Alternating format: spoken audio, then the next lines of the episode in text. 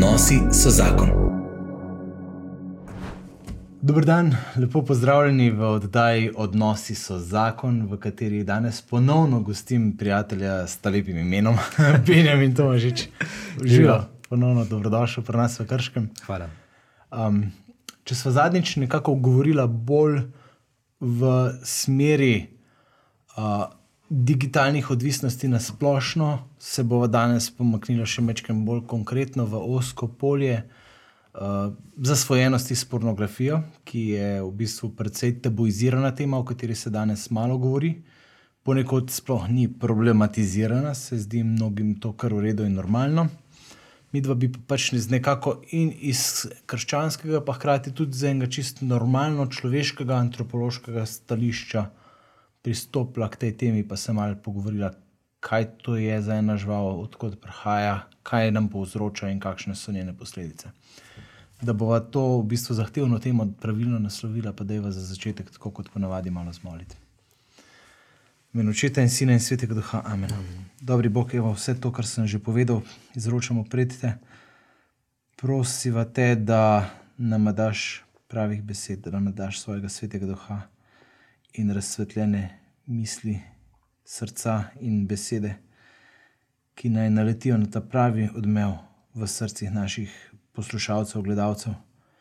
In ta odmev naj bo ne tisti obsojajoč, ampak tisti, ki bo rekel: Aha, kje sem pa jaz na tem področju, kaj pa lahko jaz konkretnega spremenim, če imam kakorkoli izkušnjo s to zasvojenostjo.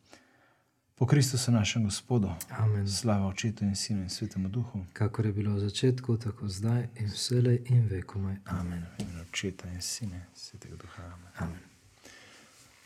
Benjamin Tomažič, ko se moraš kje predstaviti, pa poveš, da prihajaš iz inštituta Integrum in da se ukvarjaš s pornografijo, kako te ljudje sprejmejo, kaj, kaj slišijo, ko to poveš? Malo se nasmihajo, običajno. Uh -huh. Pa po drugi strani, skoraj vedno tako, z radovednostjo malo prisluhnejo. Aha, mm -hmm. ok, kaj pa, očitno ne snejo pornografskih filmov. Torej. Mm -hmm, mm -hmm. Tako da je eno. A je dovolj očitno, da ne snemaš pornografskih filmov, ali v kakšnih sredinah tudi v to smer, kdo kaj pomisli? V bistvu do zdaj, večinoma, kar sem se predstavljal, so bile sredine, kjer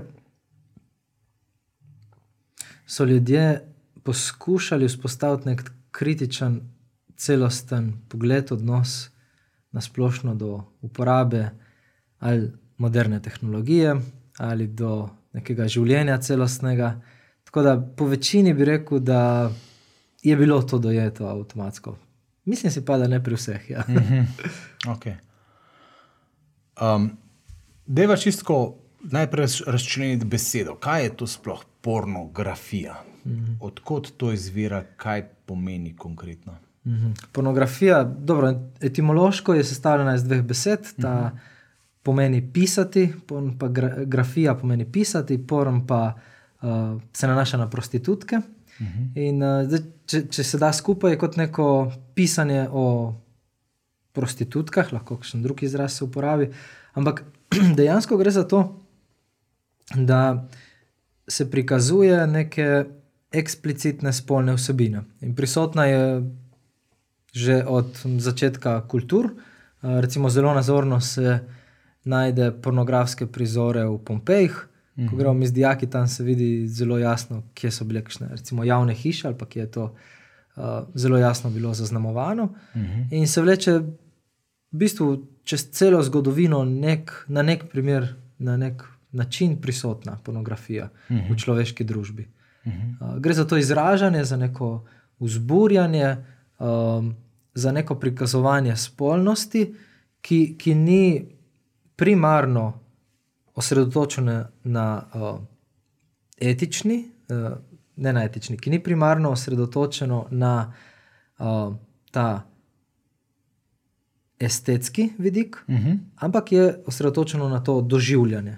Aha, se pravi, razlika med kakšnim umetniškim aktom, ki je tudi slika nage ženske, recimo, In zagotovo ga ne poimenujemo za pornografijo. Je. Razlika je ravno v tem namenu tega, kako se pravi. Tako, v namenu, pa v končni fazi tudi v prikazu. Uh Mhm. -huh. Tudi kipi po crkvah, kjer so goli ali pa freske. Recimo, uh Mhm. -huh. uh, v bistvu se je zelo jasno prepoznati, da ni njihov namen in dejansko niti ne pride do nekega vzburjenja v splošnem, ko opazujemo. Uh Mhm.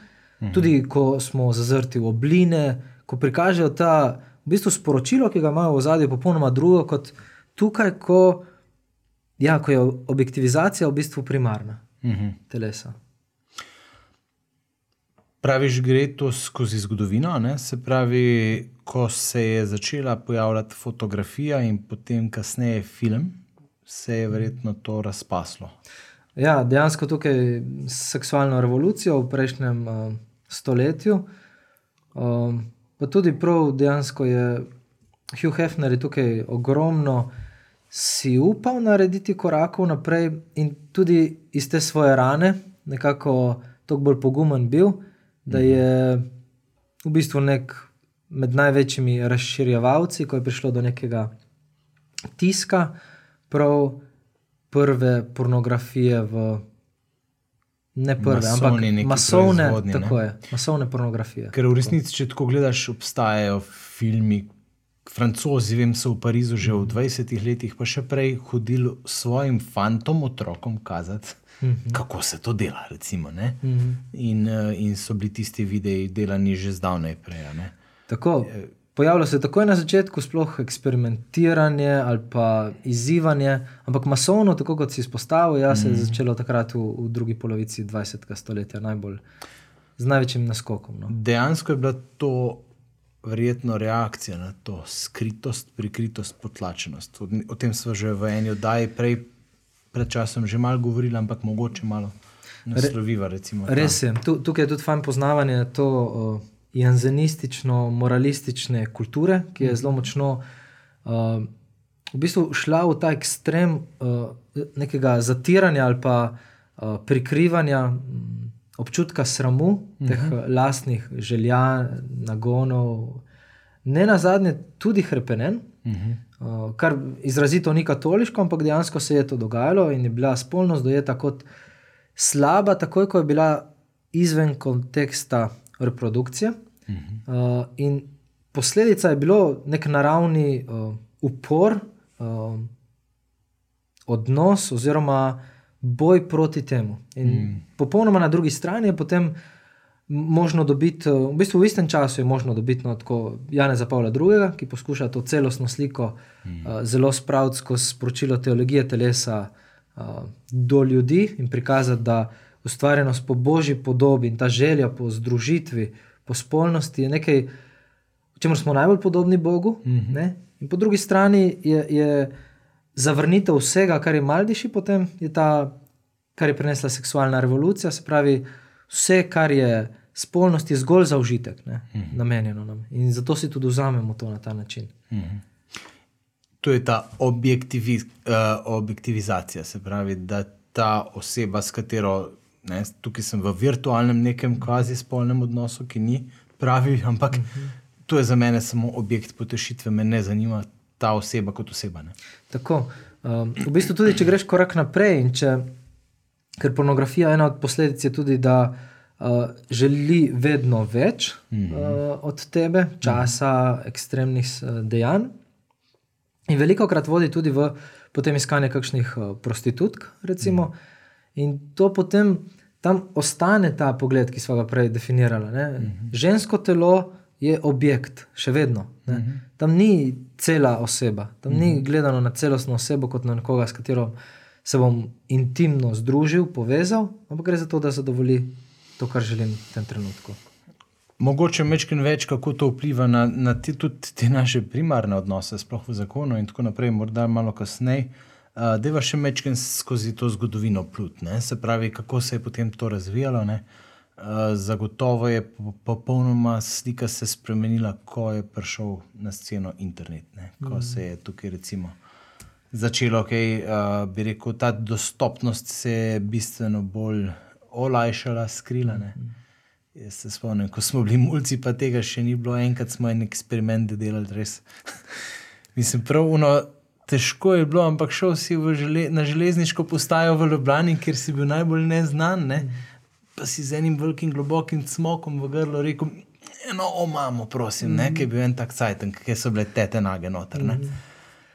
Pa je bilo to v, v nekem nivoju tega, kar je bilo prikazano, kako je bilo prikazano, čist en drug medij, ne? pa dostopnost do tega je bila popolnoma drugačna kot to, kar je danes na voljo. Ne? Ja, izpostavil si v bistvu dva od treh stebrov, ki sta ključna danes, ko se uh, opredelijo vrednoti prisotnost pornografije. Uh, se običajno pove, da, da je tako močno prisotna v družbi, ker je anonimno, mogoče priti do vseh vsebin z uh, dostopom do spleta, ker je dostopna, ker je ogromno vsebin brezplačnih in kjerkoli lahko prideš do njih, mm. in ker je dosegljiva, ker imamo telefon pri sebi in lahko gremo kadarkoli vem, na VC in gledamo pornografijo, nihče ne ve. In je bilo drugače, in to je prav pojav tega širokopasovnega interneta.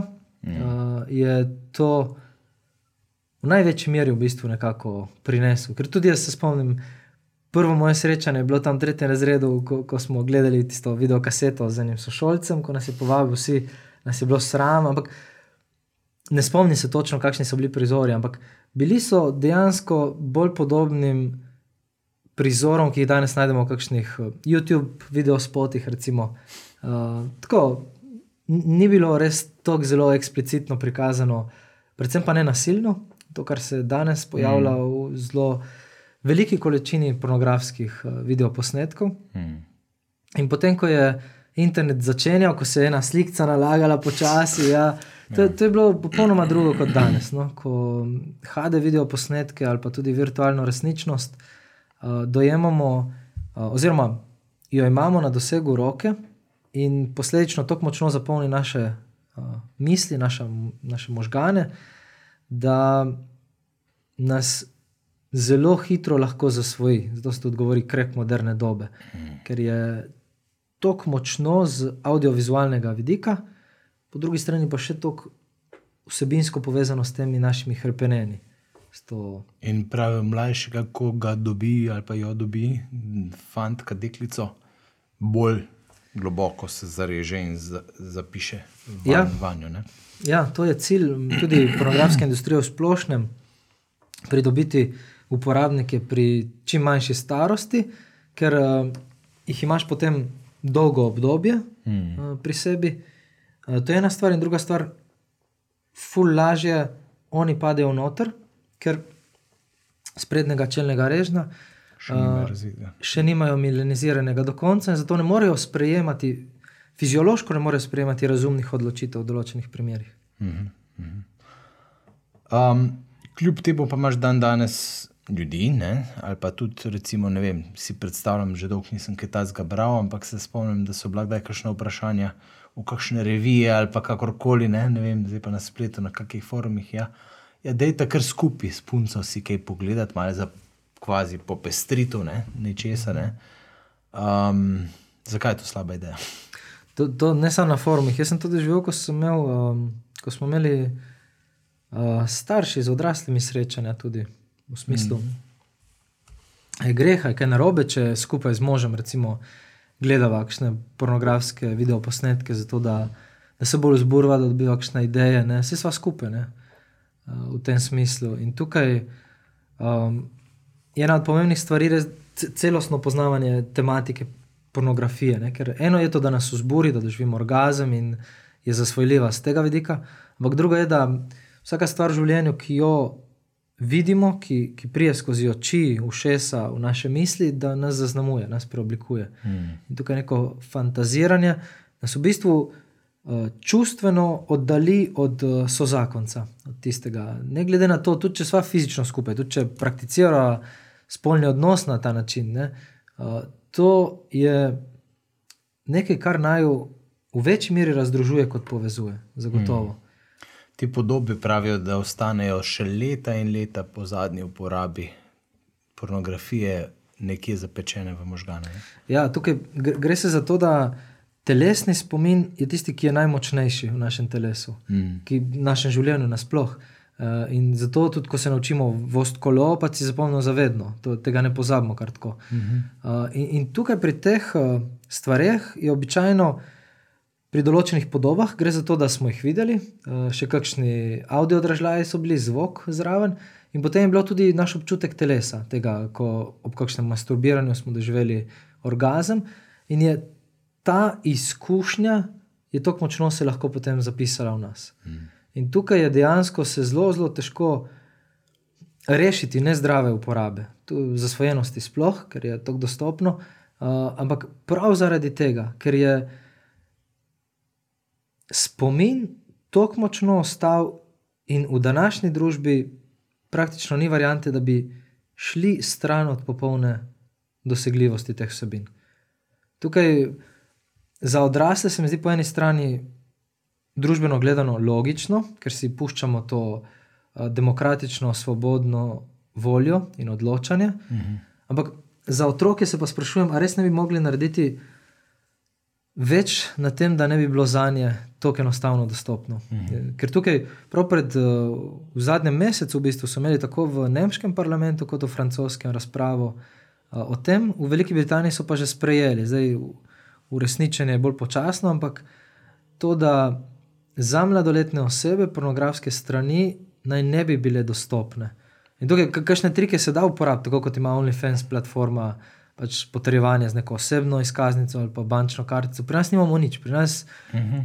klikneš na posnetek, ki si ga dobil, imaš direktno, niti ti ni treba klikati, starejši smo od 18 let. Uh mhm. -huh. In to, to je problem, se mi zdi. To je res. Sploh zaradi tega, ker že pri starejših, pri odraslih, recimo, si rekel, zelo vpliva na samo recimo, doživljanje spolnosti, ne? ker imaš ti med samim spolnim dejanjem neke druge podobe in druge objektivizirane ljudi, ali pa svojo ženo tako dojemaš in se do nje tako obnašaš. Pri otrocih pravijo, pa, ki pa nikoli niso niti druge izkušnje imeli, pa jih to doleti zelo zgodaj, so pa tukaj tudi hude in spolne disfunkcije, in vse sorte se dogaja. Tako je. Ja. Erektilna mislim, disfunkcija je pri moških precej pogost pojav, oziroma se je dvignil za, mislim, za 20 odstotkov v zadnjem času. Um, spravi, da moški v prispolnem odnosu z punco, žensko, v splošnem merjeno, uh, ne more doživeti erekcije, vzburjenja. Mm. Uh, in tukaj je dosti zgodb ljudi, ki so potem prenehali gledati pornografijo, in čez mesece se jim je spet povrnila uh, uh, funkcija, uh, ja, da so lahko normalno doživljali spolne odnose. To je ena od stvari. Potem pa so še na čustvenem nivoju in na duhovnem nivoju še stvari, ki so dosti globlje in še več časa v bistvu trajajo. Ne. Pa že na fizičnem tudi poškodovanje deklet, ker se posnema. To, to, to, tako, to, to, to so zgodbe, ko pride fant v prvi spolni odnos z dekletom in jo začne daviti. Uh, in, uh, in včasih imamo primere, tudi smo slišali, ko dejansko potem policija ukrepala in ko, ko so se pogovarjali o tem, ja, kaj si, si pa mislil, je rekel, ja, ampak ni to normalno. Vse večino teh posnetkov sem zgledal, pa če moški dajo žensko med uh, seksom. Ne, pač sem mislil, da to je nekaj novega. Ja, in tukaj res spremenja način dojemanja spolnosti. Tukaj je ranjenost. Uh, in sprevrženost tako velika, da, uh, da je težko priti nazaj. No? Je res ogromno dela potrebnega in dokler človek ne doživi, da je nekako najbolj v dreku, najbolj v dnu, uh, težko tudi karkoli spremeni. Ker je potrebno tako korenito uh, preseči neke vzorce v življenju. Kakšna je pa recimo dinamika spoprijemanja parov s to težavo, recimo, kjer ima eden od partnerjev, verjetno, običajno moški, ni pa nujno? uh, pač težave s to vrstno zasvojenostjo. Uh -huh. Kako recimo oni to dojemajo, so v kakšnem zanikanju, uh -huh. si rečejo, je to varanje, ni to varanje. Uh -huh. Kako je recimo to? Uh, ja, prisotno je. Vsega je prisotno, no? se mi zdi, tako res zgodbe, ki, ki jih imam pred očmi, so zelo različne. Mm, dokler je zanikanje, se ne začne zdravljenje, se ne začne nič spremenjati. Tako da prvi pogoj, tudi če recimo pride do tega, običajno je tako, kot si rekel, da uh, imamo moški, moški imamo večje probleme s tem in da pride do nekega odkritja in potem ali žena postavi ultimat, ali se dogovorita, da bo on šel nekam iskati pomoč. Dokler on v sebi res ne začuti, da se želi spremeniti, da je to slabo, -huh. mu ne pomaga noben psihiater, terapeut, odločitev, skupina. To, to, to je zagotovo pred, predpogoj, predpostavka. Neko iskreno uh, priznanje, imam težavo s tem, želim nekaj spremeniti, spremeniti, nekaj narediti na tem področju. In potem so pa zgodbe različne. Nekateri pari ostanejo skupaj in jih to še bolj poveže. Je to neka fulmočna preizkušnja, uh, ki izgrajuje njihove odnose in jim pomaga se srečevati s težavami tudi v prihodnosti. Nekateri gredo na razen, ker je prehudo in um, ne zmore ali ženska ali on, uh, moški. Tako da tukaj res ni enoznačnega odgovora. Uh, je pa nekaj, se mi zdi, kar je res pomembno poudariti, to, da vedno je mogoča sprememba. Ne glede na to, koliko imamo občutek, da smo zasrali, da smo zabluzili. Kdo se dolgo leta poskuša s tem boriti. Tako. Tudi, tud, če imamo tukaj najbolj uh, ekstra primere uh, radikalnega nekega uničevanja spolnih podob, in to uh, je možno, dejansko je možno priti nazaj. Ne, ne samo na psihični in psihološki ravni, ampak tukaj tudi je dosti, dosti primerov ozdravljenja, posegov Boga, dejansko. Mm. Uh, ker kot si prej rekel, ne, te podobe se ostanejo zapisane v mm, naših življenjih. Mm. Ampak eh, prav tukaj se mi zdi, da je dost velika priložnost tudi, da občutimo delovanje Boga v našem življenju. Kako lahko, kako ima moč preoblikovati naše telesa, naše misli, naša čustva, doživljanje. Mm. In, in nas vabi k temu, nas podbuja v ta odnos, da z njegovo pomočjo ja, stopimo na neko novo pot. Mm. Um. Kaj pa recimo žene? Kako se običajno one s tem soočajo, kako dojemajo, je recimo več tega sprejemanja tega, ali do kere mere je v bistvu.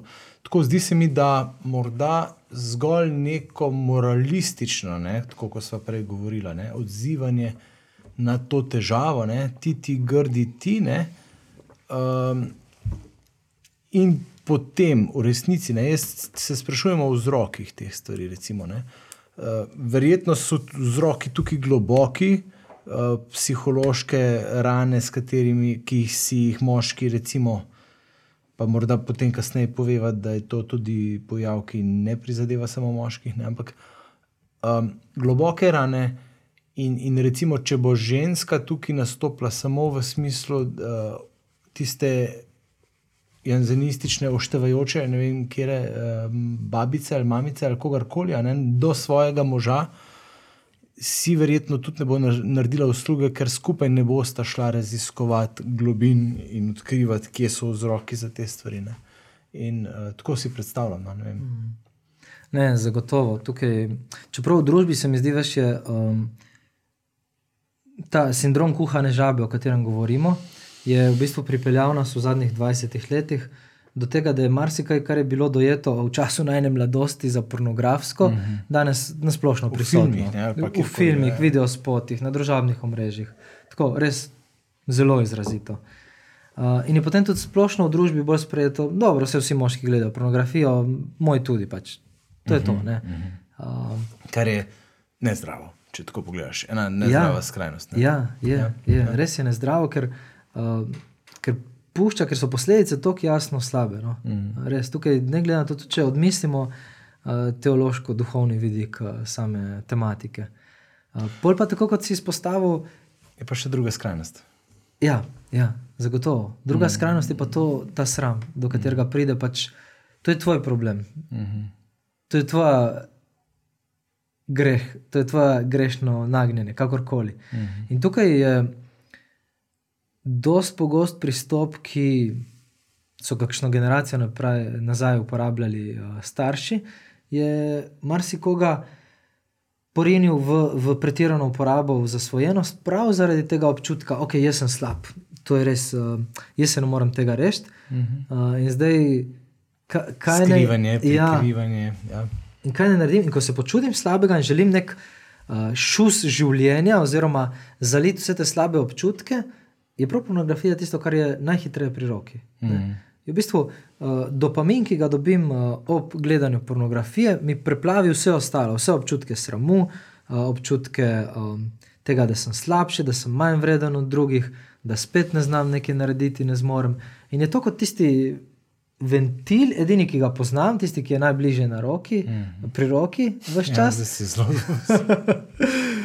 Uh, ampak dejansko je potem nas to ful hitro porine v ta krog uh, sramu, mm -hmm. strahu in vedno globljega, vedno močnejšega gledanja, vedno bolj zasvojitvenih uh, elementov mm. gledanja, ja, uporabe pornografije. No. Obstajajo kakšni, ne, bom rekel, quick fix rešitve, ne, ki jih radi, recimo, kristijani, ne vem. Rečemo, ok, ne bomo pa zdaj zmolili neki. Ne, veš. In si rečemo, zdaj.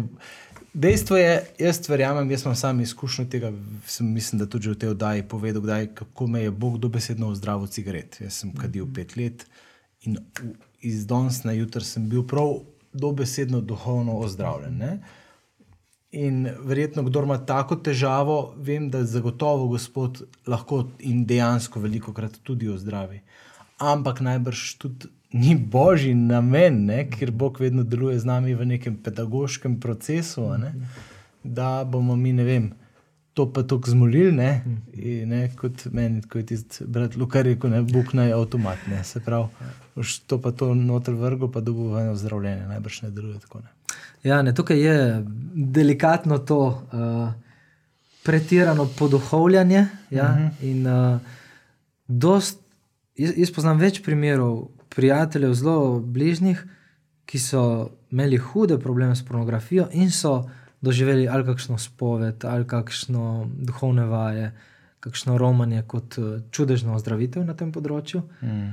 Ampak niti en od njih ni ostal čist, če ni nadaljeval tega, kar si ti rekel, v odnosu z Gospodom in tudi samim sabo soočanja s tem problemom. Mhm. Če pride do nekega zanikanja ali pa do nekega, ok, to je pa bilo to zdaj za me, jaz pa nimam več s tem in ne bom imel več s tem problemov, si svalil. Mhm. In to je tisto, kar Bog ne želi od nas. Zagotovo poseže in je prisoten tukaj. In, uh, in tukaj se mi zdi eno tako ful močno področje, kjer naš napuh se mora zlomiti. Pač, ker mm. če je dejansko zasvojenost, jaz sam ne morem priti ven z tega. Ne. Uh, in, in tukaj rabim pomoč. In, in po drugi strani, ko enkrat imam občutek, da okay, to je to, da se ne ustavim rasti, da se ne ustavim iskati, da se ne ustavim pričevati in se zavedati uh, milosti, ki sem je bil deležen, in odgovornosti, ki je na meni tudi -hmm. na tem področju. Uh, tako da tukaj se mi zdi ful fajn, da, da se zavedamo, skušnjave bodo prihajale do konca življenja, za vse tiste, ki smo imeli tukaj izzive, za vse tiste, ki jih bodo imeli na tem področju. To je ena stvar. In druga stvar, da, da nikoli ne obupamo. Da vemo, da je možno delovati tudi popolnoma drugače, delovati dejansko svobodno, ker to nas ful zasužni pornografija. Mm. Takrat, ko počnemo nekaj, kar ni v skladu z našo voljo, z našimi vrednotami. Uh, in se mi zdi, te, te tri stvari je dobro imeti v mislih, se jih zavedati in stopiti na pot odnosa, predvsem odnosa. Ravno v tem smislu bi te rad vprašal, recimo, odnosa. Ko govoriva o odgovornosti, sprejeti odgovornost, definitivno je vsa na meni. Zdaj me zanima, v kakšnem smislu je podobno morda kot pri kakšnih drugih zasvojenostih, kot pri alkoholizmu ali pa tako, kakšna je vloga so zakonca ali pa žene ali pa kakorkoli pri takem soočenju s tako odvisnostjo. Mm. Recimo, ne vem, a je, a je njen odziv ta, da ti potem odtegne spolnost, veš, recimo, ali pa pač. Ker se ona emocionalno oddalji, si jo varal, te še ima blema, ne zli po slovensko besedo rečeno. Ne? Ja, ja. In, potem, in potem se ti lahko še odtegne, in pol, potem kaj. Ne? Ja. In potem si spet lahko porinjen um, v edino, kar poznaš, kar ti je blizu. No? To, to je kar veliki ziv. Um, ampak tako kot si izpostavil pri drugih uh, zasvojenostih, tukaj je prva stvar, ki se dobro zaveda, da za moja dejanja sem v prvi vrsti jaz odgovoren. Mm -hmm. In to velja tako za ženo, kot za moža. Mm -hmm. Spravi, vloga žene najprej je, da zaščiti sebe. In mm -hmm. tukaj, da, um, da se postavi na pozicijo, kjer se bo ona počutila celostno. Uh, in kjer bo lahko izrazila svoje čustva, občutja in tudi živela v skladu s tem. Po drugi strani velja isto tudi za moža, ki je znotraj, če je v zasvojenosti, je to dojeto kot bolezensko stanje. Mhm. In znotraj bolezni, znotraj take bolezni, je potem dosti delikatno govoriti o tem, kaj je greh, kaj je pa zgolj pač navada, bolezen, rutina, ki je prišla iz tega. In tukaj okay. je fajn, predvsem, da se pogovarjata. Zato sem rekel odnos. Mm. Eno je odnos uh, z Bogom, mm. s tistim, ki ti dejansko pomaga, takrat, ko izgubiš vse moči in tudi, ko si se čutiš zapuščen od vseh. Po drugi strani je odnos do samega sebe, da si priznaš to, kar sem pregovorila, imam problem, želim se spremeniti. Mm. In po tretji strani tisti odnos, ki ga običajno najbolj prizadene ali pa najbolj vidno prizadene, odnos z ljubljeno osebo, z ženo, z možem. In tukaj v, v tem odnosu postajajo stvari najbolj delikatne, napete, sploh ta občutek varanja predelati. To traja ogromno časa. Mm. In tukaj je potem uh, komunikacija, ki počasi napreduje, ki dopušča drugemu lastno dostojanstvo, ki, ki, pa eni, ki pa po drugi strani priznava tudi lastne občutke uh, in čustva, nekaj nujnega, se mi zdi. In tega se učimo počasi, itak, ampak moramo stopiti na to pot. Včasih se mi zdi, da se je lažje v bistvu osredotočiti na težavo. Ne? So zakonca, ki ima težavo ne? In se dvigniti v neko moralno superiorno pozicijo, kjer v bistvu si ti potem tisti ali pa tista, ki na nek način iz neke veš, z nekega uh, tega, v bistvu zdaj smo imeli v Evangeliju, ne? se pravi, iz te v resnici farizejske pozicije mm -hmm. greš in rečeš, ah, glej, kak je. Ne? In pozabiš, da imaš dejansko tudi sam pri sebi ali pa sama pri sebi za delati. To, to se mi zdi, da smo zelo, zelo hitro izkušnjavi. No? Ja, tukaj um, je ta vloga policista, detektiva, uh, nekaj, česar žena zagotovo ne, ni dobro, da sprejme v taki mm -hmm. situaciji. Ni, ni poklicana če... za to. In... Si moško neko podporno skupino najdeš. Ali, ja, pač? ja, zagotovo. Mm -hmm. Žena ima pravico do iskrenosti in do postavljanja vprašanj, znotraj tega odnosa do grajenja intime večje. Ja. Ampak ni pa njena vloga zdaj uh, nadzor, ker uh, s tem ne bo se nič rešilo. Odgovornost mm -hmm. je na, na možu, če ima mož problem, mm -hmm. govorijo o tej situaciji. Zdaj, samo še to. Uh -huh. uh, Tisto, kar je pa globlje pri samem uh, problemu, pa je, da nasprotje tukaj varanja, nečistosti, izkrivljenega pogleda na spolnost, uh, ni neka čistost, ni cilj, da bom dosegel, da bom popolnoma čist in ne bo se obremenjeval s kušnjavami in s poželjivimi misli, mislimi. Cilj je intimen odnos z drugim. Cilj je to, da drugemu se lahko pokažem točno tako, kot sem, z vsemi ranami, in da drugega to ne prizadene. Ok, čakaj, to mi je tako mal. Niti ni cilj čistost, ali kaj mislim v tem ne. smislu, izvedbena čistost je cilj, verjetno. Čistost izvedbena je samo en od korakov na ja, poti. Ker okay. če si postaviš za cilj čistost, ja. prideš ravno do tega, lahko, kar si rekel ok, zdaj pa ne gledam več, jaz kljubco sem izpolnil ja. in zdaj sem jaz spet šef in zelo ukazujem in delam, kar želim. Mm -hmm. In v odnosu sem si lahko še bolj oddaljen, kot sem bil prej do okay. svoje žene. Dobro, Cilj je, da, da si prideva skupaj, da sva intimno povezana. Mm -hmm. In ko bova tako povezana, jaz itak da ne bom gledal pornografije, ker bom vedel, Niti kako jo boli. To, ja. Ja. In vzajemno, si tudi ona, ne bo več na tem platoju farizejskem vzvišenosti, ampak bo čutila, da lahko deli svoje rane, da je varna v tem odnosu In, in v tem je to cilj odnos, uh mhm. -huh. grajenje, uh -huh. ne pa to, da si jaz postavim, ok, tako sem, moja dejanja so v redu in to je to. Uh -huh. Ker dejanja so behavioristični pogled, je samo prvi, je samo tisti najbolj površinski. Uh -huh. Potem pride ta čustvena vez, povezanost, uh, združitev v bistvu zakoncev v tem miselnem, čustvenem svetu Uh -huh. in potem šele z Bogom, duhovni pogled na bližnjega. Kaj pa pornografija in ženske? Na kak način one se dvigajo, procenti tudi pri njih? Vse se dviga. In, ja. in oblike so drugačne. Ne? Ja, tako. Sej, um, tukaj je sploh zdaj, v, v zadnjem času, koronskem, je še dosti esk eskaliral ta problem. Uh, in uh, je izziv, kako v bistvu odgovarjati, ker vzroki, zakaj pademo moški ali pa ženske, so doskrat drugačni, različni. Okay. Mi, kot uh, bolj vizualna bitja, audio mm -hmm. nas pritegnejo te po, podobe takoj. Mm -hmm. Medtem ko pri ženskah je ta čustven svet, zgodbe, tam so že romantične novele, doskrat bile vstopna točka. Mm -hmm. uh, ampak danes, ja, kar se gleda, kakšne uh, raziskave, tudi med ženskami, lahko v naši zahodni družbi tam tudi čez 50 odstotkov že oseb, ki v enem obdobju življenja redno gledajo pornografijo. Uh, kar pomeni, da močno vpliva. Aha, tudi gledajo, ne samo recimo berejo, ne vem, 50, Gledajo, 50 gledajo. odtenkov. Ja, ne, ne, ne, ne gledajo, gledajo prav. Se je zelo dvignilo prav v zadnjih letih. Mhm.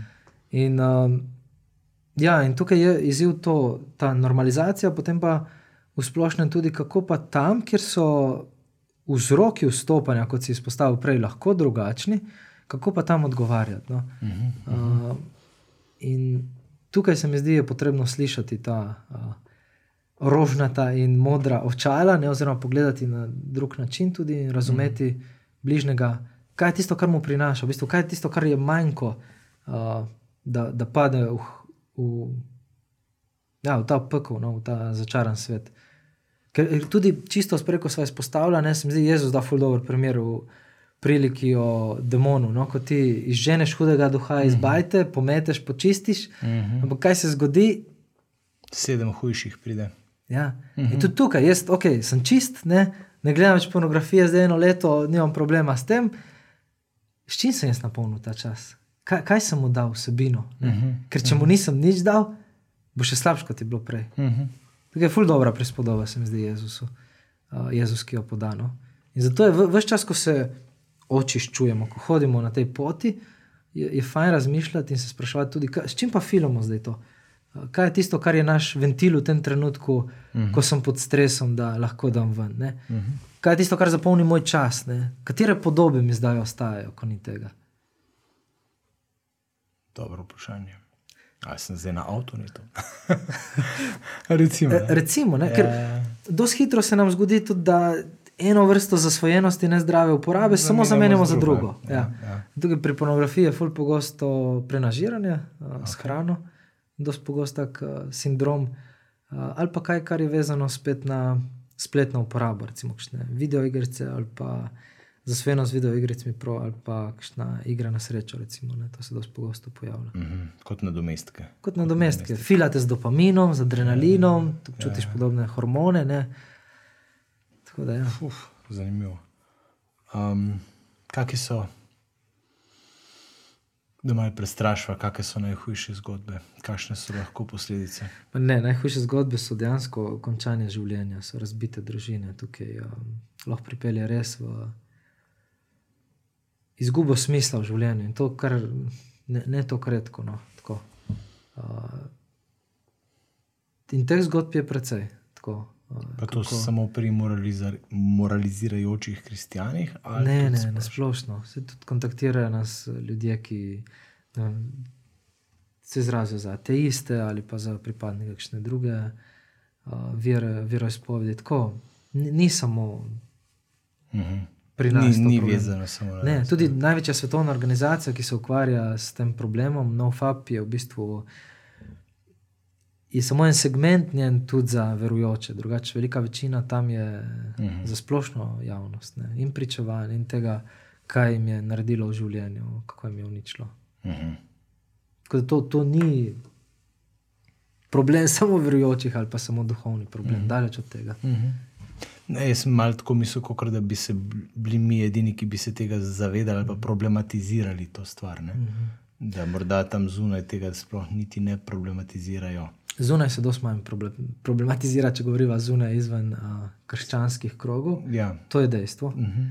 Uh, čeprav uradno priznano je to izziv, oziroma sploh na področju uporabe pri otrocih. No, pa obenem je to tudi eh, nekaj, kar poganja svetovno trgovino z belim blagom. Tako, tako. In to je tudi danes, ko se kaže ta korelacija, v bistvu vedno bolj, ko je to statistično merljiva, ne, Mm. uh, je, je jasno, da gre v to smer. In jasno je, da si politika tukaj zatiska oči na račun denarja. Da je to edino, kar o, danes omogoča, da je tako enostavno dostopna pornografija v svetu. Ne? Ker bi lahko z vzvodi, z sistemi, ki jih imamo, in to bi lahko precej, precej bolj uh, nadzirali, oziroma postavili v kontekst uh, zakonske uporabe pri nas. Kuk je uporaba pornografije povezana s takimi čist konkretnimi primeri, kot smo jih imeli zdaj pred kratkim v družbi, afera radiatorji in podobno. Recimo. Mm, zdaj, malo pavšalno bi bilo, govor, da bi govoril na pamet, ker ne vem. Mm -hmm. Ampak po zgodbah, ki pridejo v javnost, ali kakšnih bivših pornoigralk, ali um, prostitutk, ali to je doskrat ali pa večinoma tako, da je bila pornografija ena od začetnih stopenj, ena od običajnih stvari na začetku. In potem stvar eskalirala. Mm. Uh, ravno zaradi tega, pač tako kot pri ti, ko si daš šus uh, heroina, recimo, uh -huh. ti rabiš čez nekaj časa precej večji odmerek, da te zadane na enak način. In tukaj pri pornografiji precej večji odmerek, ok, pomeni lahko več časa, pomeni lahko bolj ekstremni prizori, Tuk, tukaj se da kar jasno slediti, kakšno je sosledje. Uh, teh prizorov do najbolj krutih, bizarnih, mm. izrazito uh, ne samo nelegalnih, ampak tudi uh, družbeno nespremljivih, ampak sosledje gre vedno v tisto smer, mm. do tega, da dejansko potem se išče neke hujše oblike, ki vzbujajo več adrenalina, ki so bolj uh, uh, radikalno, ekstremno izstopajoče. In tukaj prihaja pol veliko krat do vem, posilstev, do zlorab, do kaznivih dejanj. Hmm. Če poskušava iti še malo na, hm, na drugo stran, ne? če je to temna stran spolnosti, ne človeške. Ne? Tako je eno zanimivo vprašanje, če slučajno veš, kot kuriozi, kurioziteto je, a morda poznaš ali pa veš za kakšno kulturo, kjer je tega manj, recimo, ali pa kjer, kjer nimajo toliko tega. Smo zahodnjaki temu bolj podvrženi ali je kjerkoli drugje tega manj, a, pa potem kašni tisti, pa vseeno čist, pristen, zares krščanski pogled na lepoto spolnosti, recimo, ne, da dava antipod temu, kar, kaj pa je vizija, ne, k kateri bi radi šli. Um, tega je manj v kulturah, ki so manj povezane s tehnologijo. Uh -huh. um, To so kakšne kulture, ki zaradi razvoja, recimo, niso še tako močno v digitaliziranem svetu. To so kakšne kulture, kjer se zavestno, recimo, kakšne amiške skupnosti uh, odpovedo. Uh -huh. uh, kar se tiče zahodnega sveta, je način sprejemanja tisti, ki oblikuje zunani pogled. Ampak tudi, če se gre pogledat, recimo v kakšen islamski svet, je tega ogromno prisotno. Ni, ni uh -huh. odstotek, da bi bil potem realen odstotek, ni bistveno manjši. In tudi v dosti bolj nadzorovanem, kakšnem vem, kitajskem uh, prostoru ali pa uh -huh. korejskem, je to ravno tako v bistvu prisotno. Se mi zdi, da to, to res tako uh, prvinsko izvira uh, iz nagovarjanja naših hrpenen. Uh -huh. Da, na, da nas nagovarja vse. V bistvu. Vse nas lahko povleče tako zelo hitro. Uh -huh. in, in tukaj je, um, težko bi rekel, no, ali pa sam ne poznam razvite zahodne kulture, kjer bi to bilo v bistveno manjšem obsegu uh, prisotno. Uh -huh. Po drugi strani, kaj je pa tisto, kar je kot uh, odgovor, uh, pa se mi zdi prav to, kar so prej načela. Uh, vstopanje v, v realne odnose z ne tabuizacijo spolnosti, uh -huh. ampak s tem, da se prizna spolnosti mesto, kjer v našem življenju čutimo, da je prav, da bi jo ime- imela. In tukaj se mi zdi en ogromen preskok pri nas, katoličanih, naredil prav Janez Pavel II. Mm. Uh, s tem, da se postavi spolnost res na, na visoko, na mesto nekega čudovitega daru, ki nam pomaga osmisliti življenje, in po drugi strani, da se išče potem znotraj odnosa, kakšno spolno živiva mi dva. Ne samo v posteli, ne samo pri spolnem odnosu, ampak pri vsakdanjih dotikih, pri izražanju naklonjenosti, pri besedah potrditve, pri jezikih ljubezni, ki jih mm. govoriva. Tako, kakšnem, kakšen predstavnik spola sem jaz in kako živim svoj spol v odnosu do moje žene. Mm -hmm. uh, tukaj se mi zdi, je potem tisto, kar nam pomaga v bistvu, da vem, svojo divjost, svojo moč, svojo testosteronskost lahko živimo v vsej polnosti Mm -hmm. in ob tem ne ranimo drugega in ne varamo nobenega. Ne?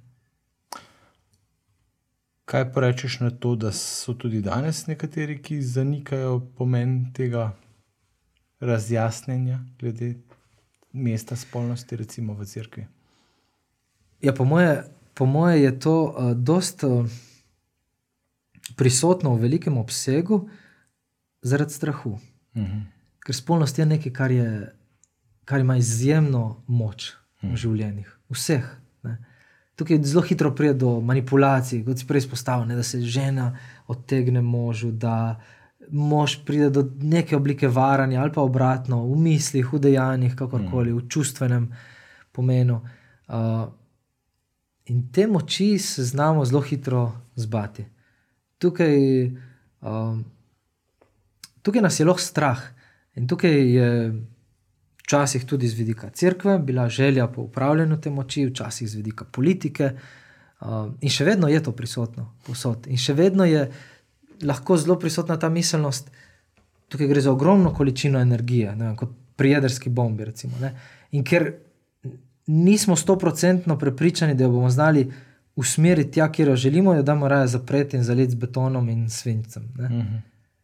Uh, in zato tega se paste, to je nevarno, s tem se ne igrati, ne, v tem smislu. Večina nas danes živečih je bila tako vzgajana. To, to je ful močno podzavestno Ja. prisotno še v nas, se mi zdi. Ja. Uh, in po drugi strani nosi sled resnice v tem, da je to dejansko ena ogromna moč. Mhm. Ne? In da s tem zelo hitro se lahko opečemo, mm -hmm. lahko naredimo rano ven, ne? ali pa se ranimo sebe. Uh, ampak tukaj je lih ta svoboden pogled, ki ga prinaša Janez Pavel II, ne? pa tudi naprej Benedikt XVI in uh, papež Svobodne pa Frančišek. permisiven v smislu pač svobodne uporabe. Ja, ja, ne, ne, tukaj je pač- jasno, ker, ker tista svobodna uporaba gre v smer rane, gre v smer uničenja. Laži, ja. Ja, tako. In tukaj, če iščemo resnico, jo pa iščemo znotraj odnosa, jo iščemo znotraj tega, da dejanje ne bo prinašalo s seboj nekega sramu. Mm. Ne? Zato je tudi meni tako dragocen ta uh, združitveni pogled, ki me med možem in ženo, ki me zelo, zelo asocira na prav na prejem uh, obhajila pri sveti Maši, mm -hmm. zakramenta. Tako, ko, res v tej želji po darovanju lahko postajava z, z ženo eno. Mm. In, in koliko je to tisti cilj spolnosti, ki, ki zadošča temu, da se nihče ne počuti izkoriščenega, ki vodi v odnos uh, izgrajevanja, v tem, da smo bolj povezana, ki ne gre samo za to, da bo pol kasneje en mu kul, cool, drugi pa bo ok, uh, utrujen to, ampak bosta slišala se. In zato ta intimna povezanost, ta gradnja odnosa, res se mi zdi kot nekaj, čemu je fajn, da se trudimo. In, in, in nekaj, kar je fajn, da se zavedamo, da v polnosti na tem svetu ne bomo dosegli, mm. da bomo vedno znova padali. Pa hkrati, da se vseeno moramo aktivno s tem spet ukvarjati, eh, se poučevati. eh, ne. Mimo grede, da malo izkoristiva za EPP, vidva z ženo Mojco imata skupaj z našima Primožem in Meto Halas. Mm -hmm. Spomladi boste imeli seminar o spolnosti. Ne. Res je. Uh, tako da ne vem, če že, mislim, da še ni razpisan, ampak ko bo razpisan še letos jeseni, se pravi v jeseni 2022, se boste lahko za spomlad 23 prijavili. Ja. Um, fino, Benjamin, hvala. Mene, mene zelo nagovarja ta priprava. No? Povem, Eh, kako zdi, da- gre. Ja, kak, Z- kakšna Jaz, jaz sem zelo navdušen. Se mi zdi, da se vsi ogromno učimo, uh, tudi v svoje življenje vnašamo spoznanja, ki nas osvobajajo in bogatijo. Mhm. Uh, in po drugi strani se mi zdi to zelo potrebno za našo družbo. No, tako, uh, ja, ta detabuizacija najprej znotraj para, pa tudi na splošno, da si znamo priznati tudi krhkost. No, tako, Mm. um, ja, meni se zdi, da bo ful dobro, jaz se veselim zelo. Jaz tudi uh, obvezno se bom že prijavila. ja, prav. Benjamin, hvala lepa. Um, fajn temo smo načela, mislim, da je zelo potrebno v današnjem času. Um, morda za tiste, ki pa se soočajo s kakšno takšno odvisnostjo, ki na inštitut Integrum pogublajo, vas najdejo. Lahko, pri nas je možno uh, poiskati pomoč, eh, sploh če gre za individualno mentoriranje. Uh -huh. Če so kakšni problemi globi, potem uh, špela sprem, spremlja ženske, jaz spremljam moške, uh -huh. uh, oziroma zdaj še en mentor zraven. Uh, tudi v začetku novembra bomo jih moško skupino ponovno začeli. Tukaj smo z založbo Emanuel, ki so izdali knjigo Svobodni za ljubezen. Uh -huh. Smo pripravili en sklop srečanj, tako da moški, ki se s tem uh, bojujete, uh, ste povabljeni, lahko uh -huh. tudi pridete poleg, če želite, bodo spletna srečanja. Uh -huh. uh, sicer pa bi res predvsem povabil, da, vem, da pokliče, da vpraša ali v svoji okolici tistega, ki mu zaupam, tistega, s katerim si upam govoriti o tem, da poiščem tako osebo. In tukaj smo vam na voljo, če želite pač. mm, To je naše poslanstvo, naše jedro. Iz tega izhajamo, se smo sami imeli probleme s tem. Tako da tukaj res ne gre za obsojanje, ampak gre za to, da verjamemo, da se lahko nekaj spremeni skupno na boljš. Čisto za konec, kakšno vlogo lahko ima pri tem zakrament sveta spovedi? Po mojem, bistveno no, mm. uh, je tisti zakrament, ki nas vrača v odnos z Bogom, je tisti zakrament, znotraj katerega se znebimo občutka sramu. Mhm. In je tisti zakrament, kjer živi o sebi duhovniku, povem, spregovorim, se pogovorim o tem, kar je zelo globoko moja rana. Tako da meni se zdi zelo velik blagoslov, da imamo ta zakrament. Sem zelo hvaležen za njega, tudi v odnosu do pornografije. Hvala, Benjamin. In Hvala ti, hvala Bogu. vse dobro. ja. um, čisto za konec, če še niste prijavljeni na naš kanal, YouTube kanal Družine in življenja, prijavite se, subskrbajte, rečejo tam le pritisnite tisti zvonček, da boste dobili obvestila o vseh prihajajočih oddajah. Če ste nas pa gledali kjerkoli druge, pa prav tako vabljeni, da se nam pridružite na naši spletni strani www.dis.si. Da vas čaka 10 pravil za boljši zakon v obliki e-knjižice, če se naročite na enovičke. Srečno, hvala. Peace.